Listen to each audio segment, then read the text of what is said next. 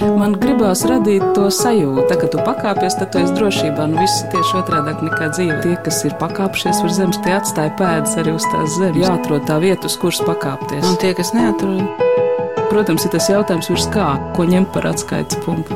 augstāk par zemi. Augstāk par zemi. Augstāk par zemi.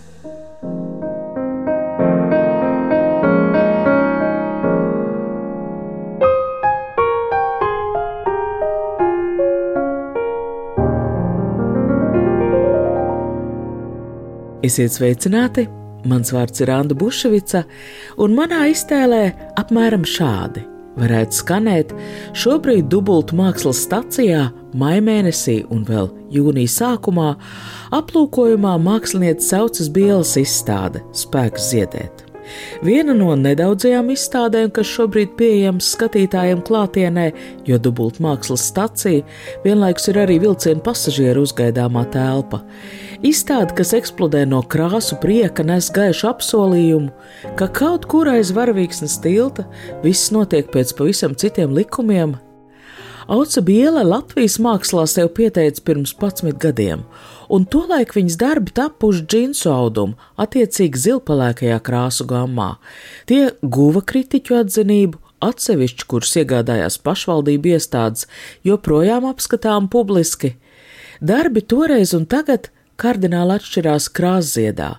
Savus paradīzes putnus, princešu tēlus Auca biela glezno bieziem triepieniem, izmantojot Marokas saimniecības veikalos nopērkamos pigmentus, kas nav tieši domāti māksliniekiem, tos liek pie pilnīgi visa, pie žoga, pie sienu krāsām un tiem ir Marokai raksturīgā krāsu palete.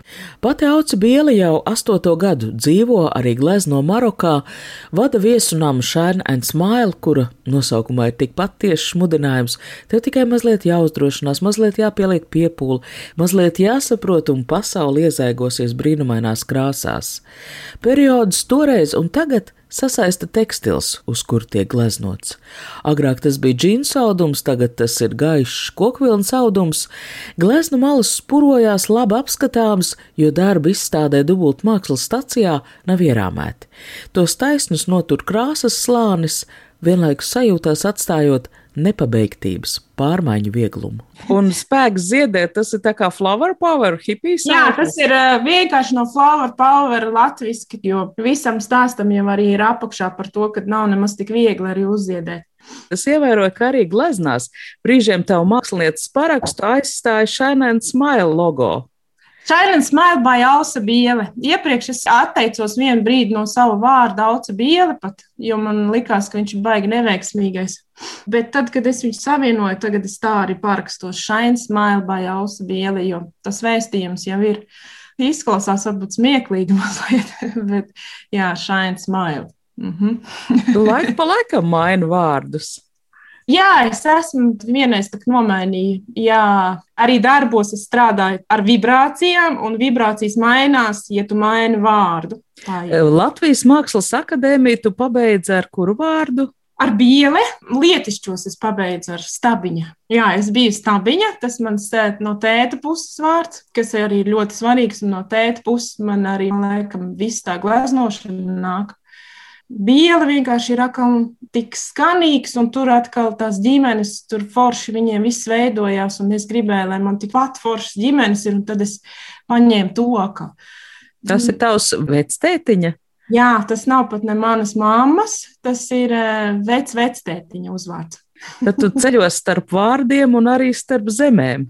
Jā, un vispār laikam es eh, jūtos pats kā tāds tiltiņš, kas pa vidu visam karājās. Tas labums ir iekšā savienojumi, jo es neesmu nevienā vietā pa īstam, es esmu ar vienu kāju tur, ar otru tur. Jo tavi darbi, cik es zinu, ir nu, publiskā telpā. Piemēram, Ventspils bibliotekā ir tavs darbs viens. Jā, pirms tam Latvijā pilnīgi noteikti to visu varēja saukt par zilo periodu. Viscaur bija tikai tumši zili darbi, un es varētu teikt, ka es jau nepratojos vidēji, es viņai tomēr piemērojos. Tad Latvijā bija, man liekas, ļoti iederīgi tumši zili darbi, jā, un Marokā vienkārši kas ir, tas ir. Un tagad, ja man prasa, ka kaut ko piegleznot vai padarīt Latvijā, tad nu, tur vajadzēja izstādēji kaut ko tur pietaisīt vai izdarīt cita gaisma, te citādāk tur redz tās krāsas. Ja man tagad jāturpina gleznot, es labāk atpakaļ savā darbnīcā. Jā. Auca Biela uz Maroku aizbrauc kādā personīgā krīzes brīdī, kā brīvprātīgā. Ir internetā tādas vietnes, lielākoties domāts jauniešiem, kur nevar izdomāt, ko ar savu dzīvi iesākt pēc skolas beigšanas. Tajās var pieteikties par vēdera tiesu, par naktsmītni, pastrādāt kādā eksotiskā zemē. Un tagad es varu atzīties, ka savu sarunbiedru pazīstu arī privāti, un man tiešām iejūsmināja viņas nopietnība, kad atkal satikt Marokā, viņa apgalvoja, ka šejienes krāsas viņu dara laimīgu. Man toreiz likās tiešām, krāsām cilvēks var pakārtot visu savu dzīvi. Auces Bīles gadījumā, es domāju, tam nav grūti noticēt, jo viņas garīgā praksa un maģija ir zīmēšana, un kad viņa saka, ka savus dzīves būtiskos notikumus vispirms uzzīmējusi, man liekas, viņa nepārspīlē. Arī Latvijā Ventspils bibliotēkā eksponētajā darbā attēlota māte ar puisīti eksotiski skruļainiem matiem. Tobrīd tev vēl Alikē nebija piedzimis. Nebija, un uh, tur ir tas joks, ko es sapratu vēlāk, kad to, ko es gleznoju, tas piepildās. Un tāpēc es esmu ārkārtīgi uzmanīga ar to, ko es gleznoju, ar to, ko es atrādu. Jo patiešām tos brūdgānus, visus, kas man ir bijuši, nu, tie lielie, nopietnie, es viņus pirms tam esmu uzgleznojis, un tad es viņus esmu satikusi. Tāpēc es saprotu, cik milzīgs spēks ir tam, ko tu radi. Un tāpēc es ļoti, ļoti brīnos par māksliniekiem, kuri strādā ar netik priecīgiem tēliem, jo viņi to pašu var dabūt dzīvē, vēl plusā vairāk. Es domāju, ka to, ko mēs gleznojam, to, ko mēs rakstām, mēs vienkārši pavairojam. Bet ir, protams, laikam mākslinieki, kas vēl tīrās tādā veidā ārā caur mākslu. Viņi paši varbūt ir pat priecīgi un tādi, bet viņi to mākslu rada ļoti tumšu. Viņi vienkārši tīrās un tad tās savas netīrības izliek tajās izstādēs. Bet tad tu gribi teikt, ka tu neskaties, es nezinu, Ela Greko gleznas, nelasi grāmatas ar bēdīgām beigām? Tā ir, kad es patērēju vienu žanru, un tā ir komēdija. Man ļoti patīk arī, teikšu, godīgi, Holivudas filmas ar laimīgām beigām, jo viņām ir arī tas pats pasaku princips, kad eh, ir problēma un ir risinājums. Pasaka pilnīgi noteikti viens no tavu gleznu, no nu, tādiem tēliem, iedvesmotājiem. Jo tur ir, man liekas, vistuvāk šīs planētas dzīvošanas principam. Šī planēta tātad nav būvēta no pozitīvisma, šī planēta ir būvēta no abām lietām, no problēmas un risinājumu, no mūžīgās cīņas kura nekad nebeidzās, bet pasakai ir tas foršums, kad ir risinājums galā. Nu kā, tās bildes ir iekšā tās kāršu kavas. Un kāršu kavā, protams, ir arī kārtas, kuras nav pašas priecīgākās. Bet tur ir tas risinājums. Piemēram, tur ir kārtas, kur ir atbilde nē, bet tā atbilde ir ka nē, būs kaut kas vēl labāks. Tiem, kas izstādi dubultu mākslas stacijā vēl nav redzējuši, te laikam jāpaskaidro. Pirmajā stāvā ir gleznas, to ir daudz, un katrā kāds mītisks tēls vai mitoloģizēts notikums, taču otrajā stāvā ir liels izstādi vienojošs darbs - zīlēšanas aplis kurā gleznas pārvērstas taro iedvesmotās kārtīs, katrai kārtī ir arī klāt autors radīts apraksts, skaidrojums, izstādes apmeklētājs drīkst griezt zīlēšanas apli un tad, nu, izkritušo kārti, jeb gleznu, attiecināt uz sevi personīgi. Kā viņa tapa?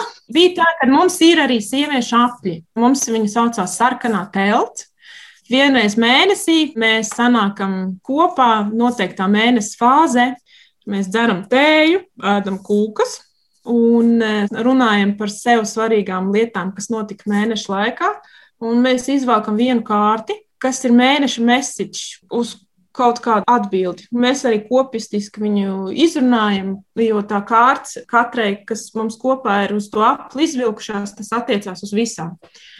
Un tas ir tāds tā kā mēneša iedvesma par ko domāt. Un tad e, droši vien tas nāca no tās puses. Un tā aplī, kas ir tavs biedrenis? Eiropietis un dažas marokānietis, kuras ir atvērtas jaunajiem man interesējuši vienmēr ir nu, mocījis jautājums, kā mēs varam uh, saprast šo pasauli un kā mēs varam izvairīties no netik vieglām situācijām, kā mēs varam uzvarēt uh, kaut kādus. Un tāpēc es kārtībā esmu pieskārusies vairāk kārt.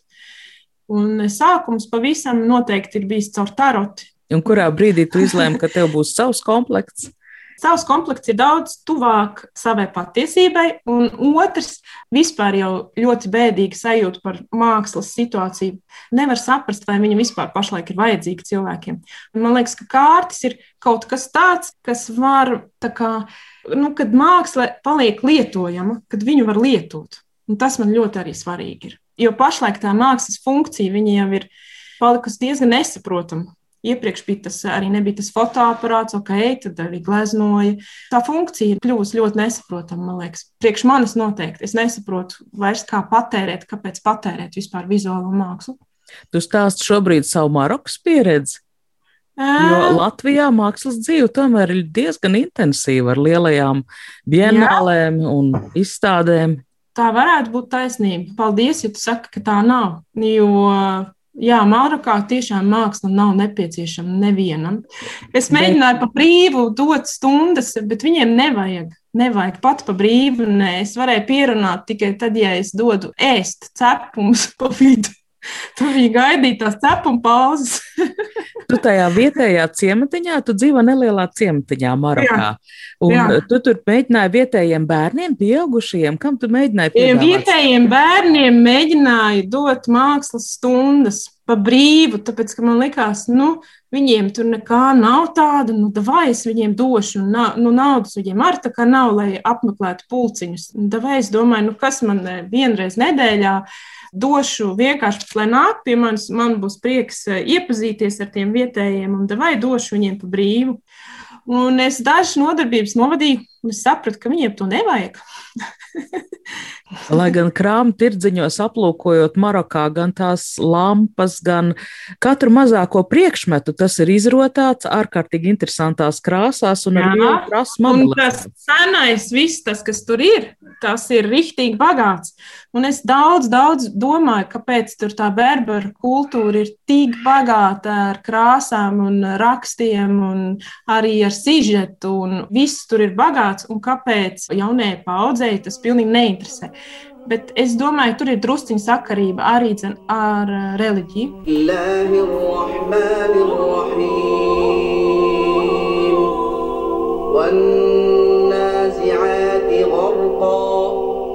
Viesojoties Marokā, ar to nākas samierināties ka Ramadāna laikā nav iespējas nopirkt labo marokas sarkanvīnu, ka visu nakti rakstu mācītāji sauc no minaretiem, bet sērfošanas instruktori atsaka stundas, jo sērfojot var sagribēties padzerties, bet Ramadānā dienas laikā tas ir stingri noliegts. Šai Marokas daļā reliģija tiek uztverta nopietni, tas ietekmē arī auces bielas kā mākslinieces darbu. Islāma mākslā ir liegums attēlot dzīves būtnes. Viņa reiz esot uzgleznojusi kādu stūpu pazīstams ģimenes portretu, uzdāvinājusi, un ģimene joprojām nesot tikuši skaidrībā ar savu attieksmi pret šo darbu. Aucis dzīvesbiedrs Rašids šai ziņā esot pat ļoti saprotošs. Tomēr gleznot atļaujot tikai sievietes, vienīgais vīriešu tēls, ko arī izstādē dubult mākslas stacijā atradīsiet, ir viņu portrets. Mākslas stundas tu tomēr pasniedz, jo tev pieder neliela viesnīciņa, šī pati Shainen Smile, Un tur var apgūt gan sērfošanu, gan nodarboties ar jogu, un tā izskaitā arī ar mākslu. Un spriežot pēc ierakstiem Facebookā, tavi viesi ļoti labprāt eh, nodarbojas ar šīm mākslas. Viesi, viesi un visi iebraucēji. Tur ir ļoti daudz eiropiešu dzīvo tajā ciemā. Tie visi ir lielāko prieku. Tur nav nekādas problēmas savākt. Gadās kāda marokāņu sieviete, kura ir drusciņa atvērtāka jaunām lietām. Gadās. Parasti grupā ir viena, divas, kas kas ir marokāņu sievietes. Bet pa lielam Eiropai interesē mākslas aktivitātes, ne Marokai. Atgādini, kā sauc tavu ciematiņu, kur tu dzīvo? Tāmraht. Tātad tas ir 15 km no lielpilsētas Agadir, blakus okeānam. Pavisam parasts, necils, ne, ar ko sevi, ne ar sevišķu arhitektūru, nekāds ciematīšs, bet viņš ir tāds magnēts. Tur dzīvo tik nenormāli daudz eiropiešu. Jā. To brīvību, laikam, mēs visi tur dabūjam. Mēs dabūjam brīvību un ļoti daudz saules. nu, tad uh, es mēģināšu aprakstīt. Tu dzīvo faktiski Marokā, kas vienlaikus ir Maroka, tavu kaimiņu, un kas nav Maroka, jo šo tamarā ir dibinājuši hipiju. Tā varētu teikt, hipiju, hipsteru, brīvdomātāju, cilvēku, kas vienkārši bēg no Eiropas iekārtas, kas nepanes visus tos rēķinus paskastēs. Visi, kuriem vajag brīvības elpu, jā, bēg uz turien. Tas viss tur ir gaisā. Ieraudzīt to ciematu, tur bija tā, viss. Es nekur vairs atpakaļ nebraukšu. Viss. jo es saprotu arī, ka tās hipiju tradīcijas ir ar cienījamām saknēm. Jā, un Džimijs Hendriks tur tajā paradīzes ielā, tur jau bija, tur arī. Un Esa Vīravela blakus netālu ir arī pazīstama vieta, kur notiek tie mūzikas festivāli. Tur, man liekas, tas Džimijs Hendriks un tie visi arī vazājās. Jā. Līdz ar to drusciņā arī tajā ciemā tie cilvēki ir, mm, viņiem ir pieraduši pie visa tā, kā mēs tur ģērbjamies, kā mēs tur uzvedamies, un tad uh, kaut kā diezgan draudzīgi sadzīvot tās kultūras kopā. Nu, dziļāk Marokā tur tādi īsti viduslaiki joprojām ir. Jo mēs te Latvijā arī mēģinām iesaistīties tajā šobrīd pasaulē notiekošajā diskusijā par divu kultūru saduri, tātad Eiropas kultūru un islamu kultūra. Protams, ka tur mums ir daudz uh, fantāziju, bet tu atrodies vietā, kur tas nu reāli notiek. Nu, kā tas Jā. ir? Man tātad uh, dzīves partners ir tīrs musulmanis, kurš nelieto alkoholu, nepīpē un lūdzās vairākas reizes dienā. Un es tiešām atrodos iekšā dziļi tajā kultūrā, un es izpildu arī to, ko viņš tā kā lūdz, ģērbjos uh, līdz kaklam, apģērbusies un līdz potītēm neceļ acis augšā, nesmaiet garām gājējiem. Jā, tā liela atšķirība tagad starp tām kultūrām, ko es tiešām jūtu iebraucot Latvijā kaut vai. Ja šeit sākās uniseks, tad tur ir joprojām ļoti stingri nodalīts tas, ko dara sieviete un tas, ko dara vīrietis. Un es eh, pati jūtu, ka eh, man patīk, man laikam tomēr patīk sava vieta. Man patīk, ka uh, man nav jādara vīriešu darbi. Jo sievietē tad ir iespēja nu, vairāk iedziļināties savā tā sieviešu kopienā stiprāk. Un tu tajā vari uzplaukt, iet to savu intuīcijas, sievišķības ceļu spilgtāk. Ir tā? Jā. Ir tā, es nekādi nespēju iztēloties, ka es visu šo būtu gleznojis pa starpu oficiālam. Nekādīgi nevarētu. Tagad es reāli dzīvoju pa māju kā sieviete, Marokas sieviete. Viņas tur droši vien taisītu ēst, es vienkārši ēst netaisu. Un tad es tā vietā visu laiku gleznoju. Varētu teikt, ka, no... ka tu to konfliktu, ko tu redzi no ārpuses, tu mēģini atrisināt caur savu sievišķīgo intuīciju. Varbūt tās kārtas ir nu, šī ceļa tāda augļa.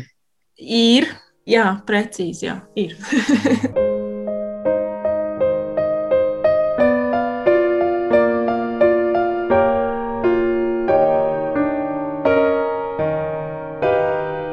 Tas, kas man mulsina tavā tēla pasaulē, tad viens no avotiem tavai tēla pasaulē ir šīs pasakas, bet tur ir arī popkultūras tēli. Tur Frīda Kālo, tīģeris, jā, tur. Mm. Jā, nu, Frīda jau taču ir ikona vispār tēlainajai pasaku, man liekas, pasaulē. Viņa taču tieši kolosāli stāsta par savu dzīvi caur puķiem un caur dzīvniekiem tik daudz. Es iekļauju tajās kārtīs un izstādēs cilvēkus un personas, kuras arī dzen, mani uzrunā. Tur ir arī sērfere, kurai nav tā roka. Betānija Mēlani Hamiltone, profesionāla amerikāņu sērfotāja, kurai uzbruka haizivs, viņa palika bez rokas, taču savus sāpes pārvērt spēkā. Viņas autobiogrāfija, vēlāk sekoja arī filma, daudziem ir kalpojis kā iedvesmas avots. Arī par tramvaju avārijā sakropļoto mākslinieci Frīdu Kālo ir tapusi filma, un arī viņas ikoniskais tēls ir uz krekliņiem iepirkuma somām visā pasaulē. Vai tev Marokā ir izdevies kādu no saviem darbiem pārdot, dzīvot no saviem ieņēmumiem no mākslas? Jā, sākotnēji pirmais, mans pats pats pirmais darbs bija gleznoja Bobu Mārlī vienā kafejnīcā. Tad es pārdevu taisību par vienu eiro šērfu kopijas gleznojumus priekš turistiem. Katra glezna viens eiro, tur es reāli iesitu roku gleznošanā, ļoti iemācījos daudz. Arī aucas bielas neierāmātās gleznas. Daļa no tām pārtop somās, sienas segās, ko pārdot tam rāktas suvenīru veikaliņos. No mākslinieka tas prasa noteikts prasmes. Spēju strādāt ātri, lēti, radīt mērķiecīgus tēlus un labi pazīt savu auditoriju. Vai pielietojamība kaut kādā mērā pazemo mākslu?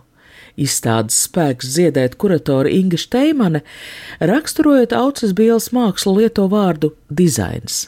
Manuprāt, var vilkt paralēles ar to, ko var saukt par dizainu, jo, manuprāt, kaut kādi dizaina aspekti ir saglabājušies auces bielas darbos. Tas ir, ka ņem tādas aprobētas formas, Jā, ka viņas nav tik daudz radītas, cik apropriētas, vai tas būtu no popkultūras, vai tas būtu, teiksim, no fantāzijas literatūras, jā, vai vispār no kino industrijas. Arī tāds uh, dizains, kas ir kā animācija, mazliet kā kaut kas naivs. Respektīvi, kaut kas tāds, tā formālā valoda ir izveidota, var teikt, piemērojot atrasto. Kā jūs ar Ingu Štēmanu iepazināties?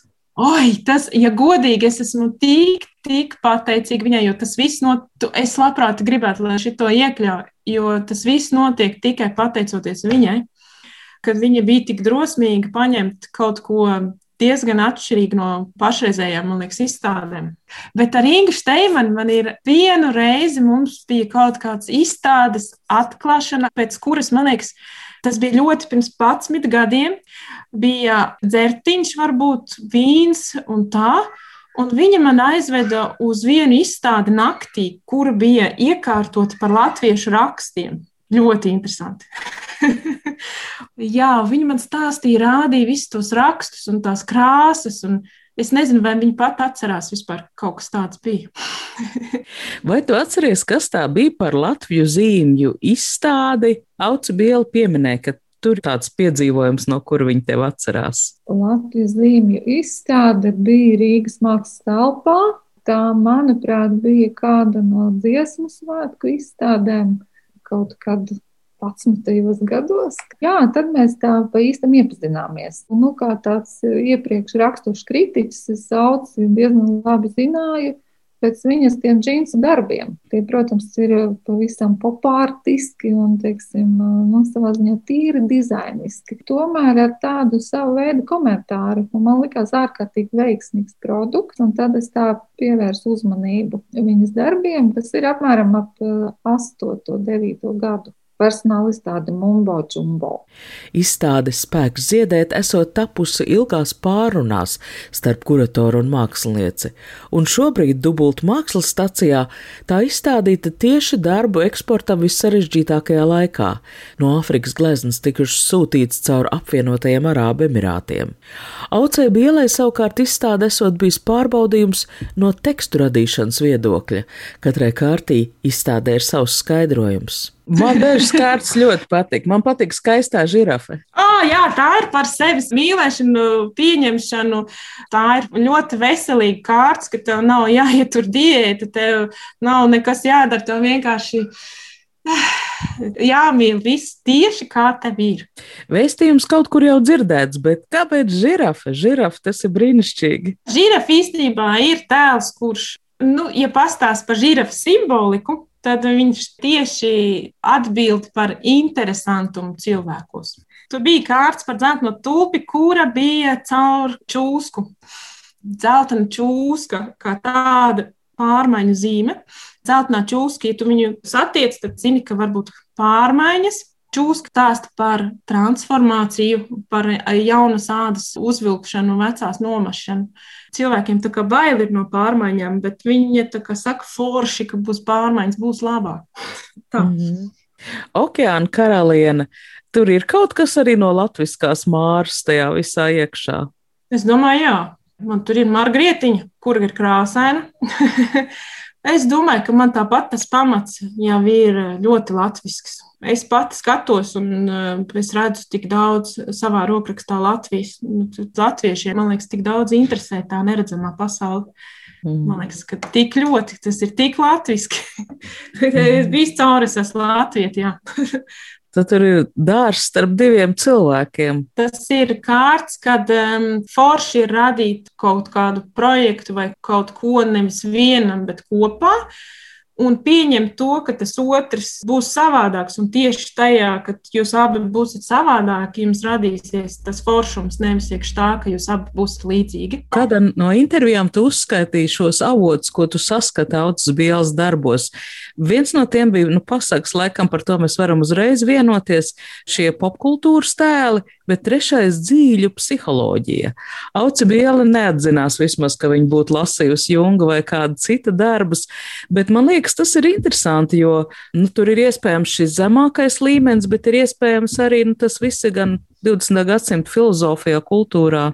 Jā, es tieši ar nodomu pieminēju šo, zinot, ka mākslinieci neizmanto šos avotus tādā tiešā veidā, viņa neizmanto kā teoriju, manuprāt, arī šo paņēmienu. Taču es uzskatu, ka viņas prakse ir tāda, kādu, teiksim, Junkas, ja dzīvotu mūsdienās, noteikti respektētu, noteikti uzskatītu par liederīgu aplūkot, kā viņa ar intuīciju rada vizuālus tēlus, intuitīvi stāsta savu stāstu, kas viņai ir svarīgs, un kā skatītājs tomēr uztver teiksim, šos saturiskos eh, momentus kaut kādā mērā arhetipisko tēlainību, kas tāda izveidojās, acīm redzot, tajā procesā. Viņi varētu dēvēt par arhetipisku tēlainību.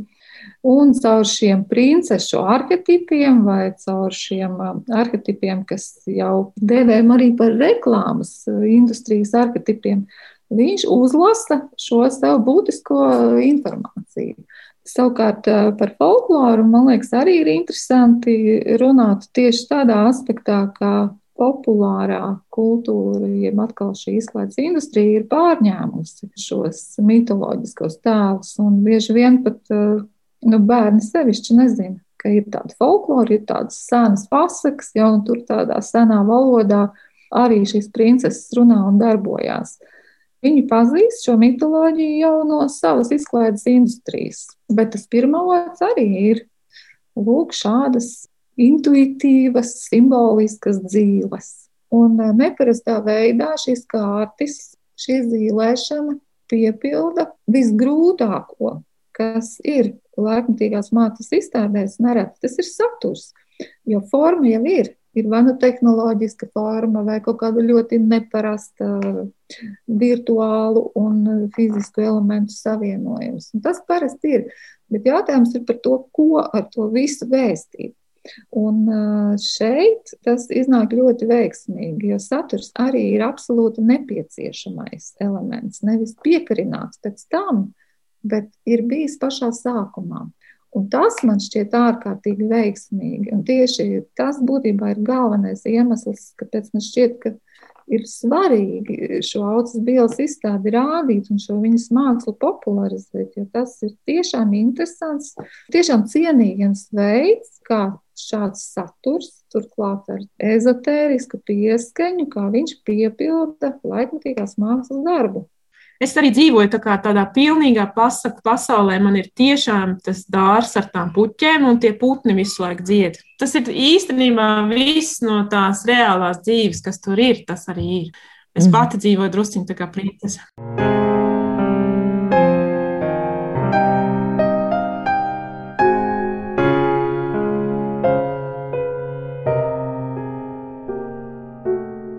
Ar mākslinieci Aucu Bieli, izstādes spēks ziedēt kuratoru Ingu Šteimani, sarunājās Anna Bušvica. Par šī raidījuma skaņu gādāja Valds Raitums.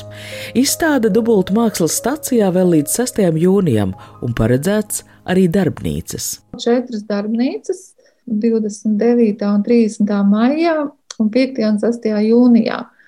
Tas ir darbnīcas, kurās būs ne tikai šis kāršu galds un kāršu aplis, bet arī gleznošana. Jo tas cikls, kā Auca Biela māca cilvēkus atraisīt savu intuīciju, ir cieši saistīts gan ar gleznošanu, gan ar šo jautājumu uzdošanu. Es palīdzu atrast, kā izskatās, ja es pieņemu, ka sievietes ir ziedi, tad kāds izskatās katras sievietes personīgais zieds tajā dotajā momentā. Es pievērsīšos katram individuāli. Man ir arī iespēja pēc darba raksturot cilvēku personību. Kā viņš glezno, kāds ir viņa triepiens, kāda viņa krāsu izvēle, kāda viņa forma, kā viņš darbojas. Tad tas ir ļoti interesanti. Tā, kad tu pakāpies, tad tu esi drošībā. Nu, viss ir tieši otrādi nekā dzīve. Tas ir tā spēle, jā. Tie, kas ir pakāpšies virs zemes, tie atstāja pēdas arī uz tās zemes. Protams, ir tas jautājums, ko ņemt par atskaites punktu. Nē, nu, principā ir skaidrs, augstāk par zemi. Jāatrod tā vieta, uz kuras pakāpties. Augstāk par zemi. Augstāk par zemi. Augstāk par zemi.